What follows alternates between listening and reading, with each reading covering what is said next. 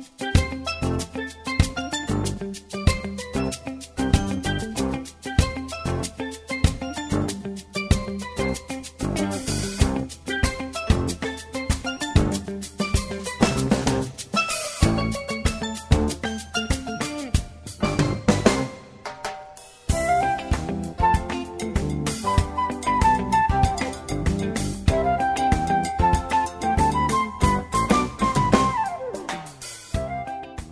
Velkommen til sendingen av Bølgelangt. Jeg er Katrin Dagbjørstøtter.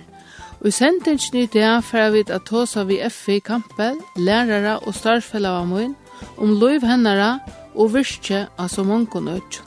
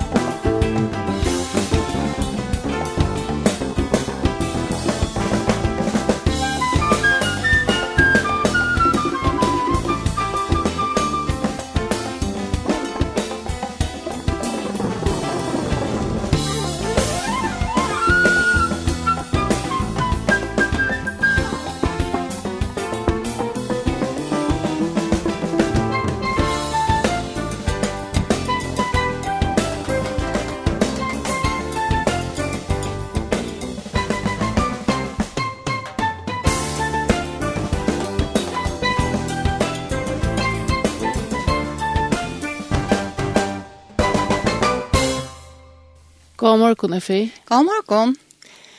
Jeg kunne jo også en spørs til jeg synder om, om løyvetjater, og du kunne kanskje begynne ved ungdomsårene og pattenårene, tjater. Ja. Ja, jeg er fatt i nå og det var midt under krøynen, så nå er jeg i forsvar. Eh, jeg vaks opp nere i Magnus Heinasen og gøte, og det er min husen som satt ned i Europa. Og mamma og Maria, hon giftes vi en skotskon hermanne, og det finko som vi. Og foreldrene, det bo ena tog i Skottlandet, og så bo de ena tog her i Førjon. Men sattne, så ble det skilt. Og vi bo inne tja ommi og abba, og jeg var eldsta ommi og abba baten tja taimon. Og jeg har nekka folk rundt han om, Tver mostrar, og tvær mannbadjar, og alt var så gode med. Vi kvarst så har man til at uh, kruksbøten til ble happa, men det er i ånka til bliv. Ongen har nærkrant sagt eit øvet år vi med om det. Og mamma har en av tvefer sagt at ødler så gove til bæg i Førjon og i Skottland. Uh, jeg tjekk og i sundagsskola nere i frelsnar her noen og jeg elsker det. Det var jo tatt vi her som er bor. Og vi var alltid flokkar, og min flokkar, han er sannleik. Og det var en jenta ute i Hotnabø som er Johan, som var lærer til okken. Og hon, jeg har hørt det at hon ble gift over i Norge. Jeg omgår til å se han atter. Til jeg så sommerkveldene så spalte vi ut vi spalte rumpølt og andre boltspøl. Og vi lakka paradøys og spalte blunt og krekva og rotla og kuler og spalte vi høsnaringar og skifti om klansebøylet. Jeg gikk eisne og KFK til uitriv, og vi brodera og e mest, og eina tøy var i eisen skåte. Jeg gikk en nonneskola som han var kattlar ta, og tæt om det var vel. Her lærte du i mest som var ekla kjølsamt. Og i hånda bare gjørt vi til dømes Teneriffa, og det var nekre servietter som kanskje minna løsindre om blonde servietter. Til å brukte jeg pappstekje, så teknet du en rundinge på hata, og spente trakser ut i rundingen, Og så først du undre å brodere middelnesa trakser. Og jeg satt og kjente av flotje, lærte det smørna, til dømes leiparar og sofakottar. Og jeg kjente av flotje, hadde det mætjer. Eh, det er jo ikke en annen skole ta, åttan her til noen. Og jeg helt dette ljøy så avhåverst, og jeg ville så feien halte av til noen. og Men mamma helt at det skulle røyne om å slapp opp i realskolan. Så da jeg var lige med femte flokk, så får jeg se meg ved nekvån øren i realskolen til en røynt. Og jeg slapp opp og byrja så her etter sommerfrutøyene. Men det har vært et halvt år er jeg falt til her. Det var langt til sneen at min gamla skola. Han var honaligere og fjolkere i helt. Her gikk jeg så i fem år, og ta hei finnes i alprekv. Nå får jeg hod til å spørre at jeg synder om uh, Batna Arne i Magnus Heinesnøgøte. Ja. Du har hei noen badna sp spela vi jo. Du var ikke vel hvor jeg spørre det. Ja, ja, ja, ja. Uh, jeg hei nek badna spela vi, og, og vi var grannar til Bedraberg, og jeg spalte, jeg spalte bæg vi... Uh, Bante og Etne og eisen vi egan potl. Og man spalte blont og krekk var vi rundt, og, og så er det bølt spølende til jeg også sommerkvøltene. Og eh, jeg er og alt midt og middelen Bante og Etne, og jeg og Etna vi kom jo genka og i samme flott. Så vi tatt nekker sammen. Ja, vi tatt stått litt sammen, og, og vi låse sånn jeg hvert vær, og vi låse, ja, vi låse sergentebøkene, heila reier, altså, um, om sussi var ein boka røm, og til forresten bæje båtene røyen om sussi, og eisne røyen om Pernille, um, det er faktisk en føringer som skriver det. Men han skrev att danskom. Och det er över som man skulle tro til att han tog ikke skriva jentebøker, men det dotter ja. Men han skrev ju under tog som kallar för dolnävne. Og dolnävne til honom det var Grete Stevens. Og til navnet det var, um, altså kona hans er et så, og han hon giftest. Esemævren, han var slekt av, av tvørere, han var badge til her intena Elin Mortensen. Hva sier du? Ja, og de, hun er jo eisen skriva bøker. Og, og jeg halte til at han arbeidde som, jeg vil si først, en skovarfot, ja. Og tog skriva han nekv om det, og det var så øyelig spennende. Så du har nekv, nekv gode minner fra Max Hansen og Å, oh, ja, ja, ja, ja. Ordelig nekv. Det var nekv inne her eisen til Taimon. Og det var ordentlig stort og spennende. Det var en gammel omma, og så var Rikka eisene. Ja, det var ordentlig stort, Og så tar føringer der var, så får vi et eisene helt oppå, på, og her var en, en sånn um, stova, og så sette jeg meg i en, en sånn lenestål, som vi kallet det, en sånn kvultarstål, og bare der vi var en, en bokarjål. Og altså, vi låser jo alltid av dansk, det var så løyt jeg først, men ta land sendte etna mar en bok som stod her, og det var Mary Jones og Bibel henne. Og altså, helt har rævlig rekt å lese det først, da vi var slett ikke van vid det. Nei. Men det er gikk, og det er, jo mer du leser, jo bedre du. Ja. Ja. Så hoksa jag vi kanske för Alorsa den Sancho är en vi för att ta samma om ungdomsåren. Ja. Hva kunne det være for en sanker? Jeg vet ikke, ja. Um, jeg vet ikke hva det er. Søvna sier meg med Jesus.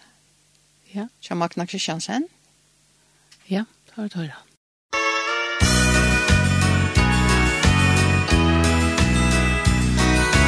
Søvna sier mer om Jesus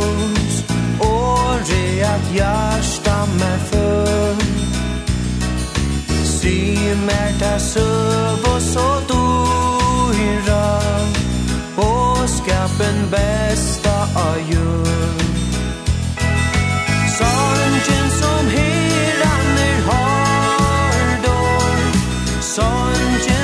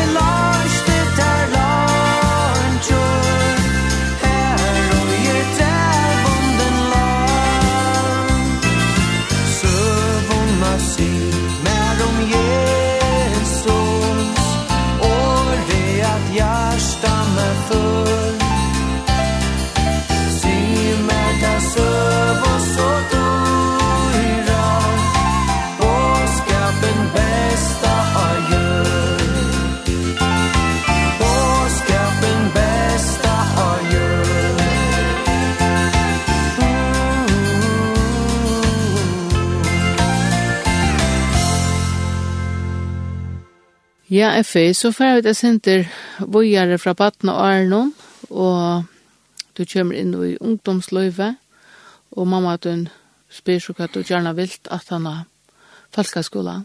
Ja. Eh, mamma ville så gjerne at jeg slapp av en skole i Danmark, Og så sier vi meg ikke til at det var spennende å slippe av den internasjonale høyskolen i Helsingør. Her kommer ungdommer ur Imsen London men det er helt er slett ikke. Tog at de høtte der så med lærergreinene som vi hadde haft uh, i Askeland, og til det var ikke spennende. Og i munner tanker vi. Um, og så sier mamma ved meg, og jeg kan velte så, og så sier jeg vil slippe av en husarhalsskole. Og mamma har hørt om en husarhalsskole som var i Silkeborg, som skulle være så gulvet. Og Og her kunne man eisne læra badnarøkt. Og det var altså Badenheim her, som er Arnen, men eh, det er ikke et Badenheim som vi skiljer da.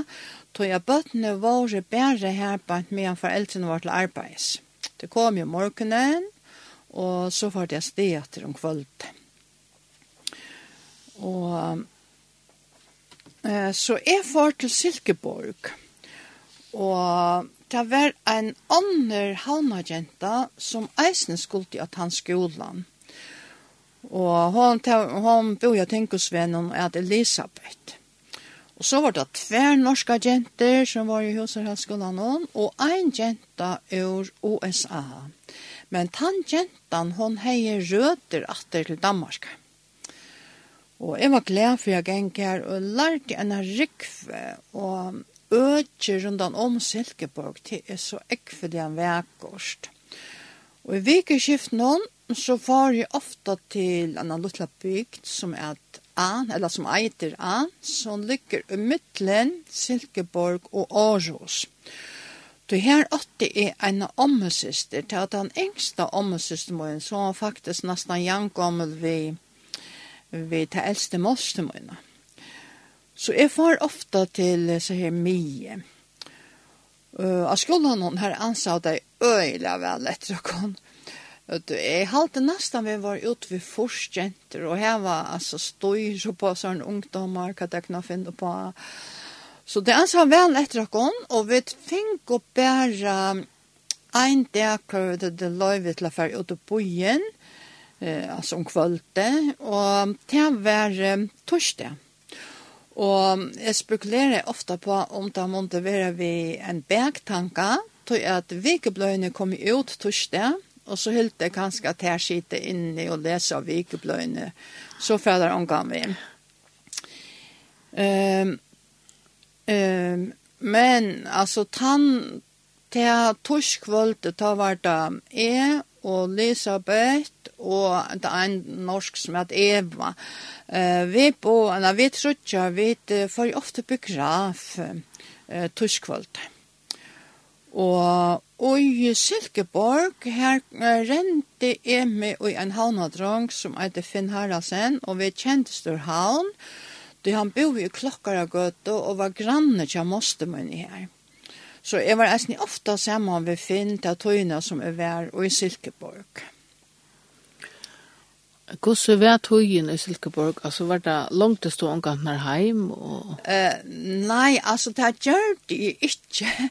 Åttan eina fer, og det er konst, uh, altså, um, hvis jeg skulle snakke med mamma, jeg skriver som oftast, og hvis jeg skulle ta seg ved henne, så var jeg nødt til å få inn kontoret til um, til fyrste kvinna og lena telefonene her.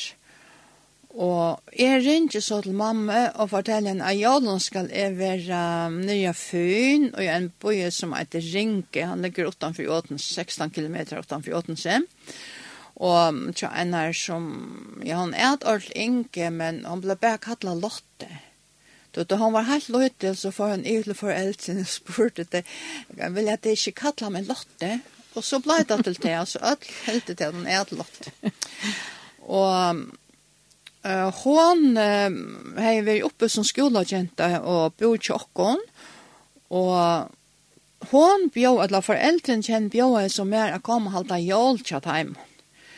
Så jeg får om han til ringe, og Og det var ordentlig, ordentlig deilig. Papi var ivelærere, Og han var sjálv tvillingers. Og han åtte en badja som var två i bor.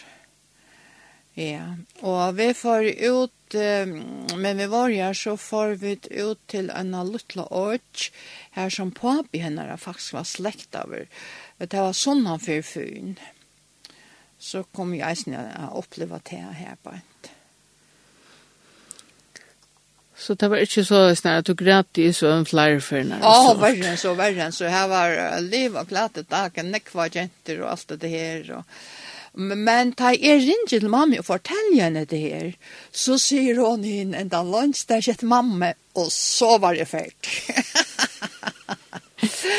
og så at han har en menneske som altså som jeg var borte skulle si at jeg visste. Men tøyene er jo eisen ek brøkter, man samskifter yeah. sånn ek i det, og i det så yeah. ringer man og skriver hver eneste det, at det yeah. kostar jo penger og alt mulig yeah, for yeah, yeah, yeah. å samskifte. Ja, Nei, nei, jeg langt og slett ikke. Jeg var nekva vinkoner og ordentlig deilig. Og det gjør det nekva skolan, og det var et, altså, til jålar, det var nekva så fantastisk flott. Og altså, da jeg kom her, det var, um, Eh, vi skulle börja halt eh, vi skulle börja den 15. Eh, november. Og Fyrst, jeg vet ikke om det 13. november eller ångstens her lei, ta er det danskeren kallet det for morstens aften. Og ta her at her alltid gås, nei, donne. Og, og steitja donne, så det er bia vid vi, steitja donne, det er ordentlig, ordentlig. Uh, Ja, vi lærte nek, og eisen sørte kjøtt samt krabbar, han skulle, han var surra ved sånn, ja, hva sier man, sånn jattentrøye, og han skulle nyr livant, nyr kokan til vatten. ja, det var jeg sinte søsne. Men, men vi tvøren kan litt kjønns til at vi var vanlig synda trapp. Til akkurat, ja. Det er sint harfer på sånn måte. Ja, ja, ja. Ja, ja. Så jeg kan godt også med vi kan skal høre et le etter åren at du først greia fra ta du første lærerskola og, ja. og tantøyen som kommer at han har det. Ja. Um, da kom vi teka sangen da Jesus satte kjelen fri, Rune Larsen.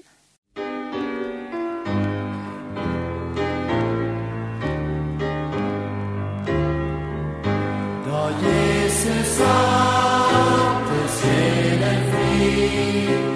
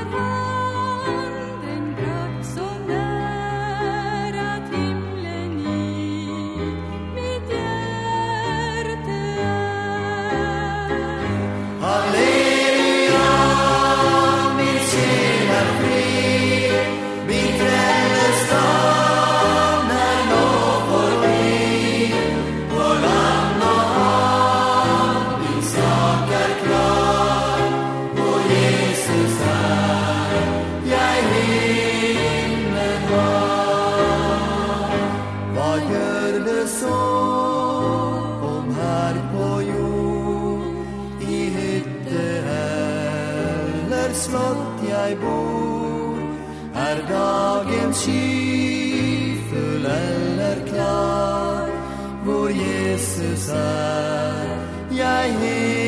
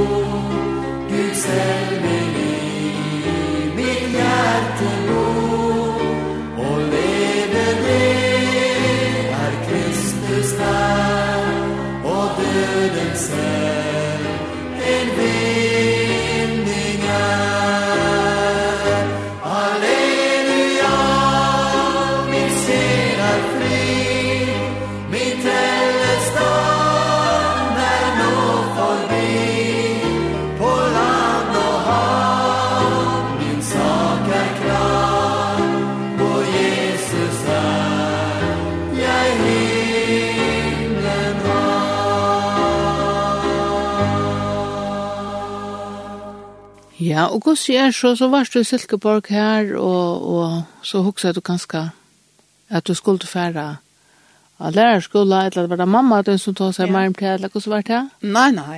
Det, hun snakket slett ikke om det, og hun lette meg alltid velge selv, va?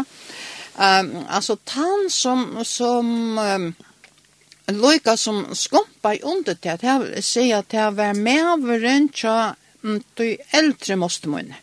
Okej. Okay han ble vi å snakke om at jeg skulle få lärarskola. Och jeg kan ägnade det vel til og alt det där.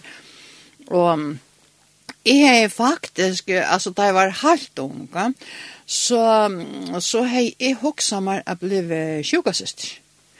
Tog at, nå snakker jeg om vi låser som en boka reier, og ta låser vi um, uh, Vi og etna vi lås jo enn bokar pier i vitt, pier i blått, pier i grått og gift med leken og alt det her. Og det var øyelig interessant. Og det var en bokar som altså kom faktisk ur Amerika så var blevet omsett. Ja. Så ta skulle de alla gentnar. Vi er sjukasist. Etna ble sjukasist. Ja, hon ble sjukasist. Ja. Ja. Nej, så og eh det var så snar och og för jag lärarskola att eh, det tok och bare upp andra kvarst år. Och så hugsa jag det att eh, jag visste inte om det för att täcka upp eh, nämngar till. Så är Jeg hadde her ringt til mamma og be henne spørre om det tok opp i år eller kommande år. Og mamma ringde så at og sier det teka opp i år. Og så måtte jeg jo komme hjem. Og, og det som er til det at at Uh, altså, jeg var, jeg var ekkelig ung. Jeg var faktisk han yngsta og i flotsen her. Og Jeg kom så heim, altså hvis, hvis det ikke har vært, så, hei, så kunne jeg valgt mellom tvei imesting som de bjøde fram her av Huserhavsskolen om. Man kunne få arbeid og en herregare, og arbeid i køkken, og så lærte du opp at det meira om mat og sånt. Men man kunne til eisen bli au pair i Ånglandet, Og altså, de søkte til seg skolen å få unga jenter å komme. Og, og så har man lært målen jeg bedre. Men jeg får som sagt heim ta, og, og ja, ja, vi skulle så til opptøk sånt, og, og det var en rikva som får til opptøk rundt. og det må jo soltas fra. Ha? Og Alltså lärare av skolan ta, han har varit nere i gråtbyggningen och nere av Åvenon, det som var den gamla kommunskolan. Men medan jag har varit nere, ta var det alltså äldre i skolan. Och, och tog var inte, alltså, ta äldre var i skolan så ta först nog så nekva, alltså han skulle just stand att det så en skola var här. Men jeg visste jo ikke om alt dette her, så jeg får åmanstidene her, og vi skulle møte, jeg vet ikke hva klokken vi åtta måttene, og, og jeg ble mer og mer nervøs, så han kan komme, så kom ein dronker, Og han kom, eisne, og jeg sier skal du prøve opp, ja, jeg var så glad at han kom og træt meg. Og så sier, hva skal det her også skjelle? Da, ja, det er bare vi bare her, det skal sikkert møte omkring her stedet. Og så, så er Bjørk Matras, som var lærer innta oppi i uh, kommunslandet, og jeg reik ut til han og spurte han, og veist du hver det er man skal? Og eh, det var, og ja, hun visste det, og hun sier vaska til oppi i gamla førjebanka, altså her som tilhalt er det. Så vi får nyan her, her var øyla nek, og så minst er det at eh, at det som var det var det at jeg tok bibelsøvna så øyelig har tog jeg litt. Altså her skulle det do alt, og det, altså, det er det de åttan et, og, og altså, jeg er ikke nekvis, jeg er ikke fra tog jeg var 3 år til jeg var 15 år, og sånt da skulle jeg flest her, Og her spurte jeg at det er spurninger etter om at det er sett alt fast. Men så er det Hanna Lisberg, hun prøver eisne, og hon sier så vi okkom tid, kvart visse tid nå trekja et nummer hver det stender og porensvarslan. Hva så?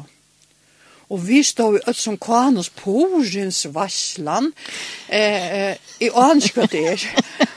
og, og, og så sier hun nei, tog det standa bare trutja regler og i bøbelsøvni om hva porensvarslan er, og til til om esterdrottning og Haman og alt det her. Og, og til ver, altså helt hun har sagt at, at han, å, det var en og en inn. Altså, jeg fikk ikke porensvarslan. Men um, det var uh, onker annar som får inn bandet nå, og fikk porensvarslan. Så hon bjerka jo. det var helt... Ja, ja, ja, ja, ja. Så det var lukket som det. Og jeg altså slapp inn, og vi var, vi var 25 nærmengar i mine flott.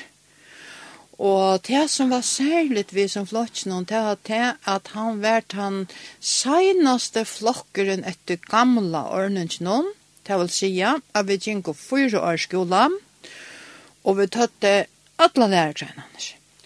Og det var sjølvande tog at meningen var at de fleste får ut av småbygd, og ta måste kunna undervis i øtlen. Så det var lycka som det, men at han og ta blev eh, altså ta blev kom røyting ui, og, og ta skulde te, det blev te byrja vi en sånn fire reitingar flotsk. Og her kom alle møvelig inn. Altså her kom du vet, altså her kom nærmengar som hette studentsprek, her kom nærmengar som hette realprek, og så kom nærmengar av småbygd, og som hette bare kjent er skola, er hver av vik i skola, ha?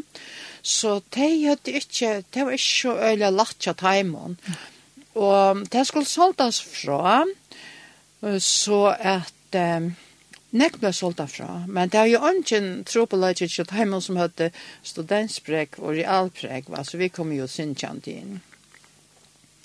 Ja, og um, de som kom i 18 år, de fikk så ikke, de skulle ikke lese ødelfag, men de skulle velge seg som stek læregreiner tolka att de hade hot till att undervisa i.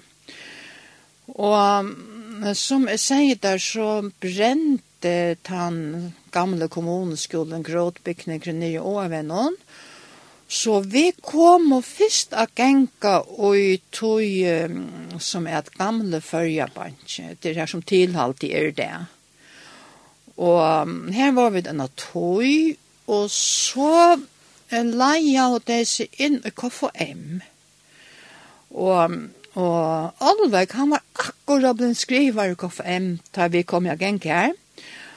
Og, og han bjøa i okkon til veit det kom og ungdomsmøte, og det var ordentlig, altså, det var ordentlig, ordentlig godt var det.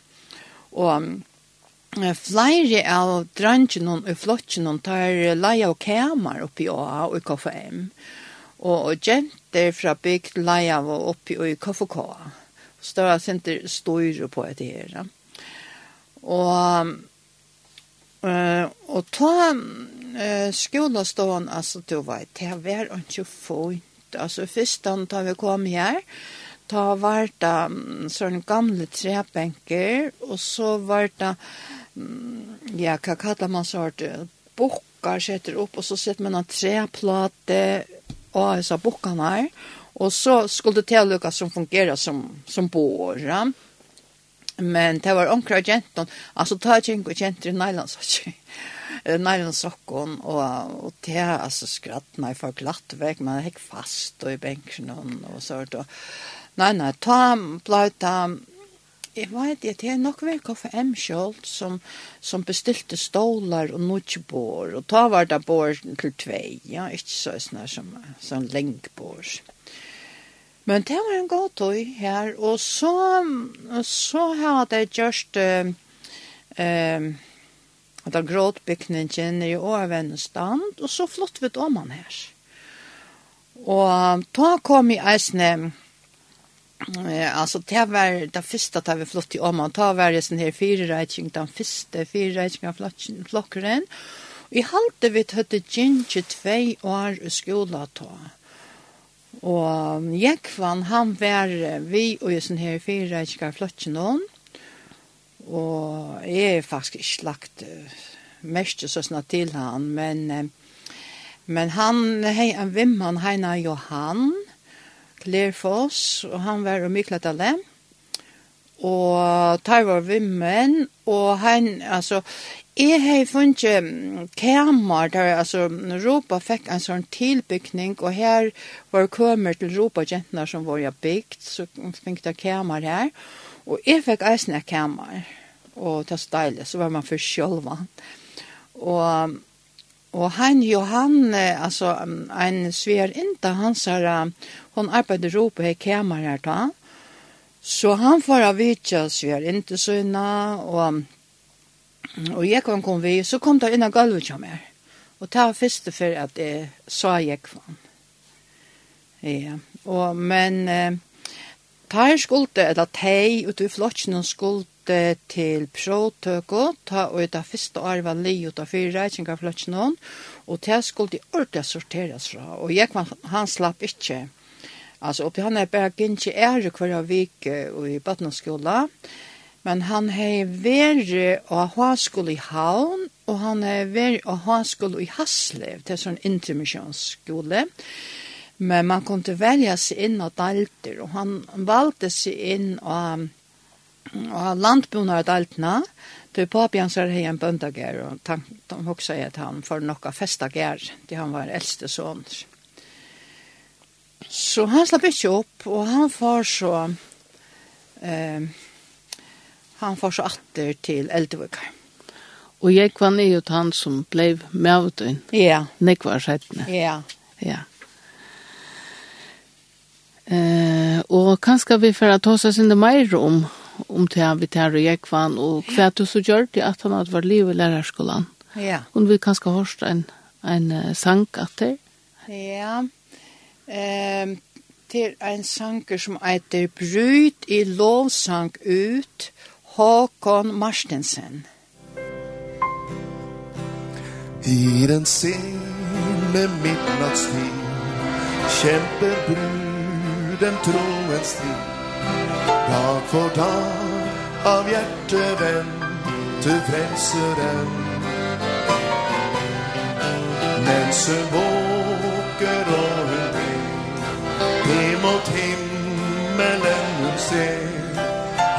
sagt At han vil komme snart igjen. Bryt i låsa Gud Jesu Kristi brud. Maranata Herre kom nu meget snart Stå beredd i hvite klær La din lampe brenne. Maranata ser din brud. Om du är nära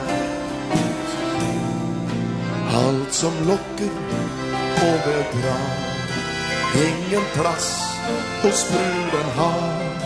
Hon är fylld med igen till himmelen. Tidens tegn bebudet klar. Jesus kom kommer meget snart Ja, hvilken dag det blir om møter Brudgommen, bli med og syng på det nå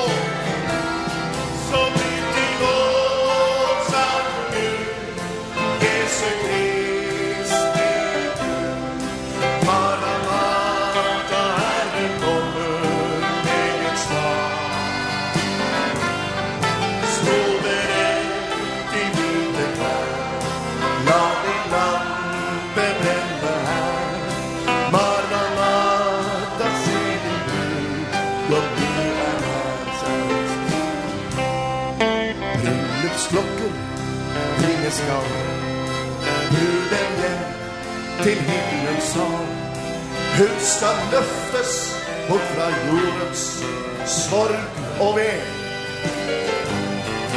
Da er troens kamp forbi. Hur er evig frelst og fri. Maranatha snart vi möter Under skyn Blir bra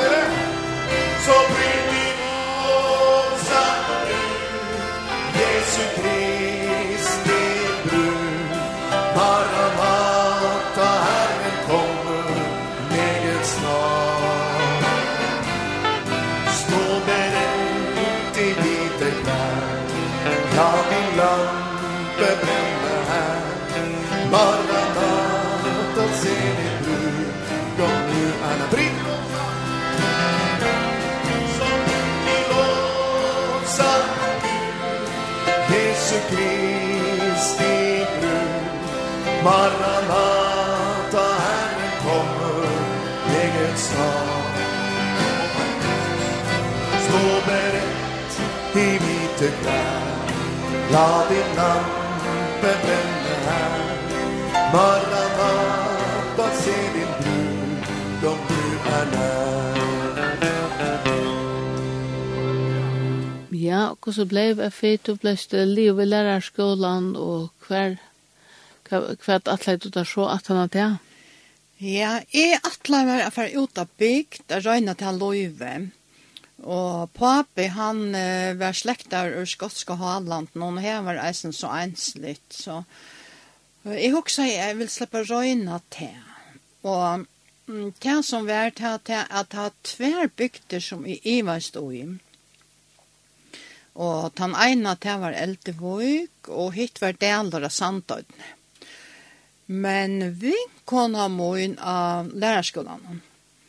Hon eh, sier meg at hva skal hvis du teker eldevåg, så kan mamma bare mån hjelpe deg til rattes, og han kan lette skjema i fyrt dem, til han har vært lærer i eldevåg. Så det er vært lettere fyrt det til han. Og så hoksa jeg eisne at, ja, ja, så gjør jeg til han ute så kunne hon ta seg vid han firme. Og Och här var det så i tre år, men de det ser väl. Alltså falken som bodde, ja, det var så stäkfitt. Och, och den yngsta døtteren, hon tjekk i skolan hon. Här som är här nere i skolan hon. Och ta i ekom, ta var det Mm, det var 14 bøten, og ta jeg for at det at ta var det mm, 6 eller tjej. Så ta mink ordentligt, og man sa at det, altså, her får han ikke bløyva, Og eldre var ikke, altså, her var jo ikke vever til. Og hvis du skulle vekk, så måtte du annakvart etter sjånen, eller måtte du genka, det var fyra fjåringar inn i en fjør som vi kallar det til funnsfyr. Og, og uh, fyra fjøringar, det er det samme som 20 kilometer. Og ta eldu var brimplås, og ta var øyelig ofta brim. Og altså, jeg minns dilt at det var at standa og um, lendingen her, og baten toppa opp og ned, og så søtta løyp, og så måtte man ha tungna midt i munnen. Ja Alltså det det var ikke lika jeg var van å gänga asfaltväg. Men men alltså til dømes, altså, det var lika som det som var uh, sent Altså, alltså det har inte för jag med att gänga om lojna til andra fjärs. Alltså det var så smalt högt bare nu jag och högt opp etter, men det alltså rätt stitch. Och og det understår nok sånn jeg viver, att uh, til dømes, är för uh, ensamhet om lojene til andre fjerde er meldt dem inn sjukakassan her. Hva sier du? Ja, at man skulle skifta kommun, ja. Ja. ja. Og, eh, men altså, så, det var så, altså, det tøyene at jeg var her, det var jeg og i tvei et halvt år for lov av Jekvann. Ja, og, men det ble, altså, vi i skiften ble så, så tropel, og Og jeg vil slippe at til havnar. Og så, altså, så gjør det det livet vi gikk vann. Og han har eisen tåse om at han får a festa gæren til pappas. Ja. ja. Men eh, fakta var det at, eh, at han var til foran, altså, det ble livet akkurat mittlen, men han får til havnar og han lærte til husasmi. Ja, men så er det jo til at eh, Jeg vet ikke, om du har en sang her? Ja, det, vi kunne godt, men jeg kunne huske spørsmål man sin til meira om et her vi, vi er vera i praktikken her, altså, hvordan ja. kom vi våre bøttene, altså var det fra første til kjente flok, eller var det? Ja, altså her og, og i eldre, ja, ja. ja, ja, her var fra, da jeg kommer, da var fra første og til kjente, og, og det som var, da jeg byrjaði. Det var det at det var tvær flokkar, og det ble kattlet yngre flokkar og eldre flokkar, og, og han har jo gjort skjema for meg sånn her sjore mamma ikke, mamma ikke til så her Espen Marie, og det som var til, til at, at eldre flokkar, han kom klokkan åtta, Og så får han heim eh, eh, ta klokkan tølv av middag. Og, og til hver eldre flokk og hver fra fjorda flokk og til og vi kjenta flokk. Og Og yngre flokkor, det var trudger der første orgentjenar, og der kom så at han hadde øvr. Men eh, så er det til at uh, de rinja til morgen, altså jeg minns det sånn som at det var Jan Santias Nes som ringte, han kjente jeg sin til. Og han ringte til morgen, og så sier han at uh, altså ta var skolamyndleggen, det var oppkjø amtmannen. Og at at bruna bok, så først nyan her, så fikk det så bruna bokene, og, og her står hva, um, altså hva hver flokker skulle lære innanfor et år og sånn. Og, og så sier han til at um, altså, vi ferdes rundt. Jeg minns det som det var trutje menn. Det var, en, ja, henne var nok bare danskere og alt. Og så, så var det Jan Santias Ness. Og um, han sier så at, um, at vi er i fer vi har lett om, altså det gamla vi, at man har eldre flokk og yngre flokk, og, og at um, at han eldre flokkeren, uh, ta, altså, han, han kommer å genka for løyte i skolen. Så nå skulle det gjøre så snar at eldre flokker var atlan dagen i skolen, og yngre flokker kom så at han døvra. Ta var det altså ordentlig nek, va?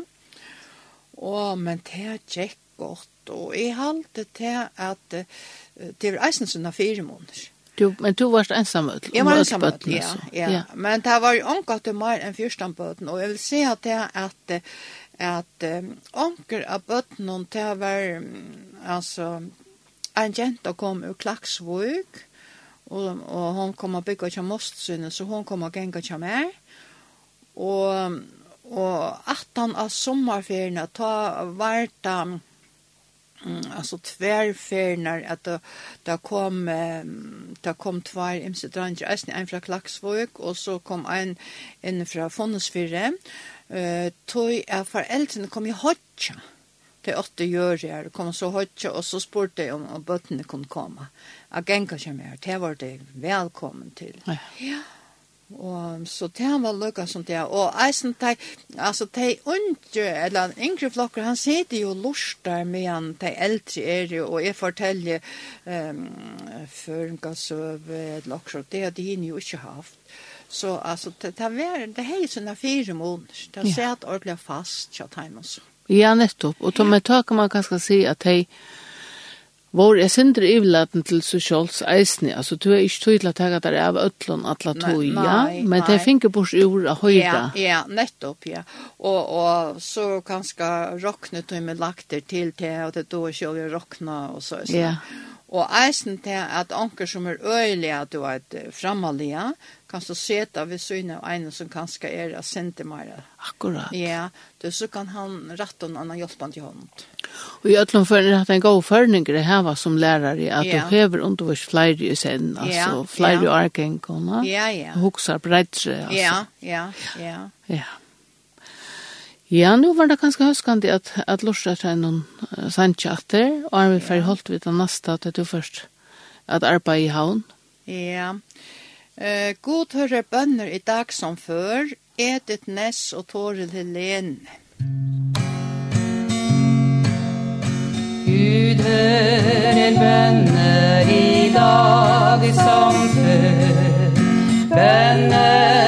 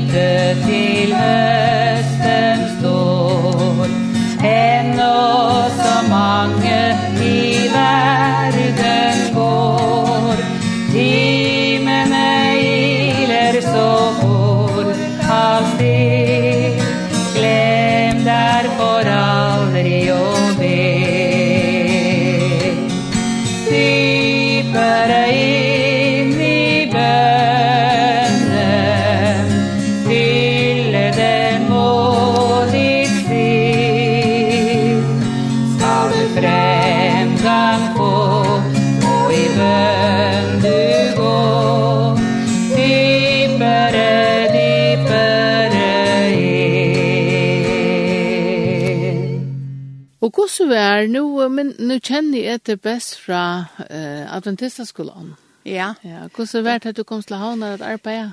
Ja, alltså det var så här snar at, um, att jeg fikk starv oppe i Adventistaskolen, og det må jeg si, at det var en god stedfesting. Det var så er snar at uh, da jeg er sagt opp her i Eldevåg, så får jeg i innlige bøn til gods, og jeg ber han leie meg vågjere fram. Og stjåren av Atlantistaskolan var halvtje skiversen, og vi tødde kjent samme flotje av, av lærerskolan. Jeg skrev så brev til henne, og spør jeg om akkur starv er lest her til morgen. Og hun får brevet om morgenen. Og satt ned den samme dagen Ta skal det være større svondre skolen om. Det er en enda som at Kirsten, hun har hatt starv her, og hun er saks ur starve, og hun skulle flyta atter til Danmarskar. Så nå stod det og mangla klav en lærere. Det spør jeg så halvkjer om hun vet om nekran, og hun fer ned i tasken og teker mot brev fram. Og ta ble det samt om at dette var Guds vilje at jeg skulle få det. Og her var det, i 35 år, Och då får ju ämskon stjärn. Halt jag chefren. Var den første. Og Fritz Jager var den neste. Og Viggo Jørgensen og Janne Jonsson. Og mer tomte vel her, og jeg omsette nødje skumgarløtter for teg. Og, og i 2002 ta seg jeg med ur starve, og ta hei i arbeid og skola verskjennom og i 28 år. Og 35 år av timen var som sagt oppe i Atentistaskolan. Fantastiskt. Vi, vi bara kom ju att arbeta samman. För det ja. första så, så har hejade det öll tjej och Arne som gick i skolan. Ganska ja. akkurat år fattade mittlen och skriften yeah. kommer blev så ofantligt att du inte var lärare kommer. Så det var gott att du fick fattra mig att det. Ja. Jag minns, annars så så så fick jag sen tror en skitball för att det är stört mer omärkt vid skriften där. Och det är faktiskt ordentligt glad för att du gör det. Tror jag att det tog mig ordentligt samman. Ja, jag visste du kunde skriva så Ja, ja, ja, ja. Så att och och och ta jag så själv fick lärarprek och då blev vi in om att komma runt i skolan. Så blev vi starfällare mitt i Ötland. Ja, det passar. Så jag har haft det med som närmänk och vi var starfällare. Ja, så jag var närmänk och kallade det för kampel. Ja, Så tar det på starfälla så var det Effi. Ja, ja, ja, ja. Det var Halje Siversen och Jakers. Ja. Som funnet på att vi har sånn etternøvn. Det var goar här att den skolan. Ja. Tar du så vart Leo som man säger arbete som lärare, hur blev så? Ja, eh är hej en gamla mamma och jeg var så hem och så helt nu kunde vi lugga som hona och Og Och tvei år at nå jeg var Leo, så færre jeg uh, et ørende, og jeg renner meg og i Preben Hansen. Og han spyr meg om jeg kan gjøre en jolakalender til bøten for lintene. Men jeg sverger mitt arbeid for bøten, det er altså en leo kapittel. Men så sier jeg, men jeg kan godt gjøre en jolakalender for voksenfolk. Og så jeg har så nekt tilfell litt kjent nye fire. Og han sier så med Javaska, så skal bare byrja beina veien og lese Jolasøver inn, eina til kvøntea og i desember måned. Og det var atlar ur det verlige løven om, og sentingen hon kallet Dagsens Jolasøver.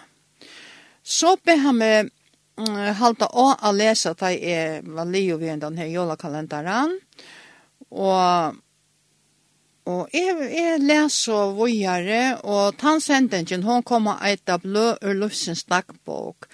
Så det var alt um, frasakner, altså urverlige løyvenon. Og ta lese 230 sånne frasakner inn. Ja, og... Ja, så kunne jeg også bare vite, senter om at jeg vann eh gonger jöknen alla alla tunna lufsläge kan man på en säga och knappt ja. nu nu mötas det åter alltså. Ja. Kan så förklara syndrom det? Ja. Yeah. Alltså det var så snar att det var inte skolan på efter i Eldevåg och så brukte det skolan som ett levande bygdarhus. Och så får det savna mynter ser av öllon timmen som hade undervist i skolan om. Og Daniel Marsten, det var en som stod i fire, han ringte så til morgen, og så be han med sendt en mynd av mer, og kanskje ångre av skolebøtten. Det gjør de så, og så glemte jeg faktisk alt om at det er. Og så var det nok så løy, jeg var ferdig tannlagna, og jeg kom prat med en mann her inne, og så sier han ved meg at Ja, to er sena mynda til her, en a mynda mer, altså hver. Uh, jo, i skolan i Eldevåg, hva er tjena? Nei, så sier han, te må stå fær og suttja til mynda fram så her. Og, uh, ja, ja, te må er færa du vet du kvært det som er det at jeg, at jeg møtte det her skjema morgen det har minst du kanskje slett til det var så forferdelig pent vever i morgenen og, og jeg kom ur bruksen ur mippen og tog kvart i bilen og vi møtes til krossen her jeg til gangen tog bilen og Og, og vi kom altså i prat, og, så, og vi snakket om at dette var sikna jeg vever. Og jeg var så vågjere, og stank jo ut det skal da være, nå skal en år til eldvøkere suttje seg framsynningen. Og jeg ringer så til da, nei, hva skal jeg, jeg må hitte fest og i en affæreatlan. Så jeg har jo spilt selv, va? Og, og nå så ikke til at bosseren, han kører på en skalabåten. Og her enda roten. Ja. Og så tenkte jeg, hvordan kom jeg vågjere? Og jeg tenkte tvattlet, Daniel Marsten, han kan gjøre mer enn at han, altså det er jo givende som mynden her. Jeg ringer, og han sverar ikke. Og så tenkte jeg, hva gjør nå? Jeg ringer lekvann, og han kan gjøre meg noe tjeneste. Og jeg ringer, og jeg kan se beina ved igjen. Og, og nå norske jeg starter, og hva er mitt lønn, og, og vet, uh, uh, altså, vi uh, skiftes vi han var uh, Sorge mer, Eva Norge honom och Og så er det det at han vil det at vi skal bli tjon, og vi skal giftast, og, og i, i veis, altså større, nå er jeg elvøk, for ikke vi, det er slett ikke det, og, og i, i veis om at det her, men, men stånd, hva skal jeg, nå, nå skal til å spyrja herren til oss, til herren eiter jo rådgjøveren, til at av hans han og noen, og jeg får så i bøn til gods, og jeg ber han sier mer, hva han har vilje vær. Og så leia træt, men du må sija Marta ekvelja tøyelja, så jeg vet at dette er fra tær. Så vil jeg gjøre det. Og dette var mykte, og høst morgen, ta ferie om han lintene å lesa. Jeg les noe som nesten fast kvann høst morgen. Jeg var så om han lintene å lesa, og jeg har glemt alt om hva det hendte i Gjørskvalde, at om bønene og, og jekvann. Men, medan jeg sitter inne her og leser, så kommer en kona ned i byen. Og hon høyre klarlig enn av rødt siden ved seg. Fær nian atter ulindene. Og hon også seg at jeg har just vært her, og jeg har lyst det som skal, og, og jeg har sagt farvel, nå kan jeg ikke være nian atter. Og rødde kom atter, fær nian i lindene. Hon får så, og hon visste slett ikke hva hun skulle.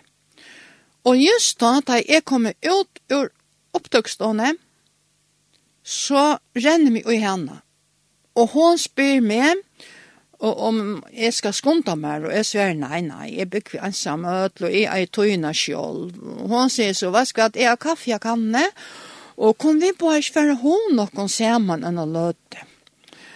Og jo, jo, vi prater så, og så knappelig så sier hun denne setningen. Tu hever anka djaf neka djaf i bøntaløv, ja? Og jeg sver en jatter, at, hva skal at jeg får ikke venn meg for Ape min i Skottland var bønte, på min var bønte, og en av dem, så var jeg altså tro lova vi en bønte. Og hva sier du? Jeg visste ikke at du var tro lova, sier hun. Og ta kjente jeg om meg at hva skal jeg skal si at vi henne, vi henne, og om jeg sa, jeg var som støvene som tog stå i. Og det gjør jeg så. Og så teker hun Eh, det var uppe i loften hon her. Hon tek en stora familie och och Og, og helt han en ætsar, og så sier hun med, kom inn av bønarrummet. Du her er bønarrummet og linten her er anden så stersker, du tar vekkje ned, tar av hårst så nekva bøn. Og hon be landje vi bøyplen i fengen og så får jeg undra beja, og så be hon atter, og så sier hon, Herre, Vois effet hun vilja. Hva skal noen gjøre? Herre, nå lærte jeg på øyne opp hver ankra sted og se til fingeren og akkurat vers. Let det som være tøtt svær. Hun blunda hjem og la på øyne dette sundra seg sjølvare, og så sette hun fingeren anker sted så øyne. Og så hun natter. Og skrivsteg var Jeremia 31-22, og den jobba så snær. Gosse landje vilt du reika atter og fram til frafallna døtter. Du nu skapar herren nøyt i landen Konan verje mannen. Boar frøst jo dur av lenna. Hetta er en sånn minna mer. a reika atter og fram. I evist vist alt du sier. Vi kvar så vile, og da næste løtna så evist. Ja, men nu er herren sværa der, så nu vast du hva du skal gjøre sværa jo han. Jeg har sagt ved herren at han måtte sværa mer tydelig, så jeg visste visselig at hetta var hans herra velje. Somme vike fikk jeg stedfesting nummer 2. Det var en høst da at jeg var lintene, og leia kvöld for jeg og en akklafond når jeg frelsnar gjernom. En dansk kona var, hun kallas Annette Holt Larsen, og hun ber for folk. Og Salron og er for nian, og ta hun ber for meg, så sier hun, «Jeg fornemmer at du er en kvinne der tør stige ut av din komfortzone. Gå trygt på den vei du har steget inn på. Herren sier, Du skal ikke være bange, for dette er fra meg, sier Herren. Jeg står måles. Den konan er ikke vært i førjon av vår, og jeg visste ikke om henne, hun kan se henne før, og hun visste ikke om meg. Og hette det som man kallar for et kunnskaparår. Og nå har jeg finnet visse fire, hva jeg skulle gjøre, og hette var 15. oktober, og 15. november tar giftes vidt, og fengt åtta år og tjei måneder sammen. Og i 2020, 14. juni, ta dag i Jekvan etter trygg for sjukralev. Og han var min gode tjonafellige og hjerteviners. At det er en rørende god søve. Ja. At du fikk ordentlig, falt i ordentlig at du ble leit. Ja, ja, ja. Du, du ikke visste hva du skulle gjøre. Ja, ja, nettopp, ja. Og så ja. fikk du noe god år sammen vi hånden. Ja, ja. Og vi hadde det ordentlig, ordentlig godt. Selv om han eh, ble nok så sjuker, så hadde vi det ordentlig godt, og vi får eisen her ferast, og, og altså, vi har dumt det vel, og det helt var det var bare hans her, bo bant ved søgne av, og så bo bjattene hinne med noen ånda, og han... Eh, det var her jeg bo, da jeg var lærer, så det var så deiligt. Ja, ja ordentlig, ordentlig. Og nekk og minner herfra, og, og ja. alt det der eisen fra Ingrid Aron. Jeg minnes ja. ta i, ta i er som smagjenta, hvis vi ville ta oss til fra at, at undervisa til jeg elsker ja. du. ja. og det kjørte vidt eisene. Ja. Så spør du gå, uh, Kampel, fortell, yeah. ta, og du var der inte i Eltevik. Ja, yeah, så tømte yeah, du yeah. hva da fortelle jeg syndrom til. Ja, ja, ja. ja. Men annars så, så må jeg si at uh, at du har vært en utrolig god lærer. Jeg vet om nekva nærmere som halter til. Alvar, ja. Det finnes ikke nekk på sjord til når undervisning. Og ja. det som jeg halte var øyelig fascinerende og som fengt meg ordentlig, det var sånn, at du lærte jo kom vi bentingar og forskjellige yeah. regler for hvordan vi skulle minnas hvordan ting skulle stavast og, og alt yeah. det der sånn idiotregler, hva yeah. vi da. Ja, ja. Så leis at det festet seg bedre vi og hvordan man skulle yeah. skrive. Så den karlækken fikk til skriftmale og til å lese fikk i kjøkkenen til å ta en undervisning. Å, det var deilig det hører seg, ja. Ja, så det er og til øyelig større antydning at man er engasjeret av lærere som ja. Yeah ja. som tøymer sitt fag, og som ja. brenner for det ordentlig. Ja, ja nettopp. Ja. ja. Så det har vært fantastisk, alltid jeg, at jeg har haft en, en lærere som det, eller en lærere ikke som det, som har uh, virkelig dumt at undervist. Det visste ja. man alle tøyene. Ja. Vi tog til alle bygdene i, i fargen, i tre Ja, det passer. Ja. Ja. Og det, jeg kan godt ha glede av det enn, jeg minnes jo ikke alle, men du vet, ja. hvis jeg skal minnes den ræfølge, så ja, ja. kort man alle hun kjøkken. Ja. ja, ja, det passer. Så du har haft øyne gode øvner til at, og hette her vi føringasøve, og så videre, at du fortalte, ja. og fikk deg vi som lærer pinnen, altså, ja. jeg bjød det ikke lese på at nei, det nei. nettet, tror jeg, det er dotter da. Altså. Ja, ja, det har vært en, en som sier hvem en den en drunker, han med over det, ja. ja. at jeg leser alt henne på. Nei, plötsligt. ja. Bara myntest, ja. Ja, det gjorde lära och sånt. Ja. Og ta var det faktisk lärarna när var det Mera sunt skiltar så du ja. fick en sindra av kvarjona. Ja, ja. Och vi skulle då fortälja om att det ja. om så olika fåglarna och allt ja. det där. Och, det var fantastiskt. Ja. Det må jag säga. Alltså, jag vill säga att, det, att hvis du har fantasi, så kan du bruka fantasien i undervisningene. Til dem som du sier, åre mjölk, det stas vi å, det ljóar som til ø, og mjölkapakken stender av morgmetta barnene, eller nottra barnene, og til sørste, ja, hvis du går den første bokstaven vekk, og den siste bokstaven vekk, så stender jól inn i midten, J-O-L, Akkurat det. Ja, og, og så sier, men åre mjørkje, det hever ikke å, det hever ø, Og, og så skal du kåre tvær bokstavar vekk fremst, og tvær bokstavar vekk sørst, og inn i middelen stender ør. Mm. Og vi bygger vi havn, og havnen ligger i en kottle, og da mjørske kommer i havnen, så blir han verand. Ja, havnen har fått blive øre av som mjørska nå. Akkurat hatt det jeg glemt, men det var eisen at det var stava liot. Ja. Yeah. A, få uke. Ja, ja. L-I-E-T og til et li et fotbollsli, og så tekner jeg uh, et rundt ingeniør, hette fotbolltren. Og så stryker han opp etter, han sparsker ikke, et rymmarsparsk. Og dette sparsket var så flott, at hvis vi setter karakter av det, så ble det til åke. og her var masser av sånne, så ja, ja, ja. virkelig godt. Og, og søvn er du fortalte jo alt, det er nekk for gåminner ja. om det. Deilig. Hun selv får jeg i lærerveien at sammen. Ja, ja, ja. ja. Men eh, tusen takk for eh, frasøkene av Kjattar, om Løyvi Kjattar. Det var interessant. Man kunne godt ha tid til forskjellig annet vi eisne, ja. hvis vi tatt det bedre tog.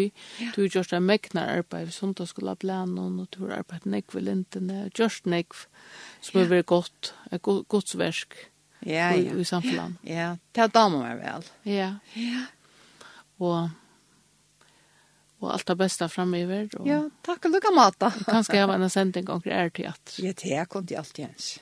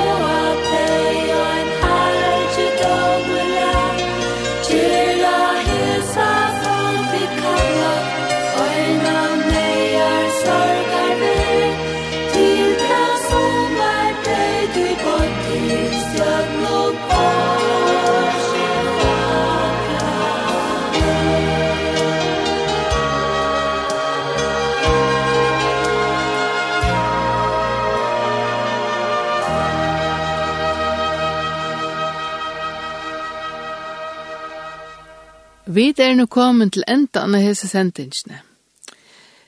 Vi tås av vi eh, F.I. Kampel, i eit Katrin Dagbjørsøtter, og vi knøttene skjedd Jekvann Sone Danielsen. Takk fyrir i det.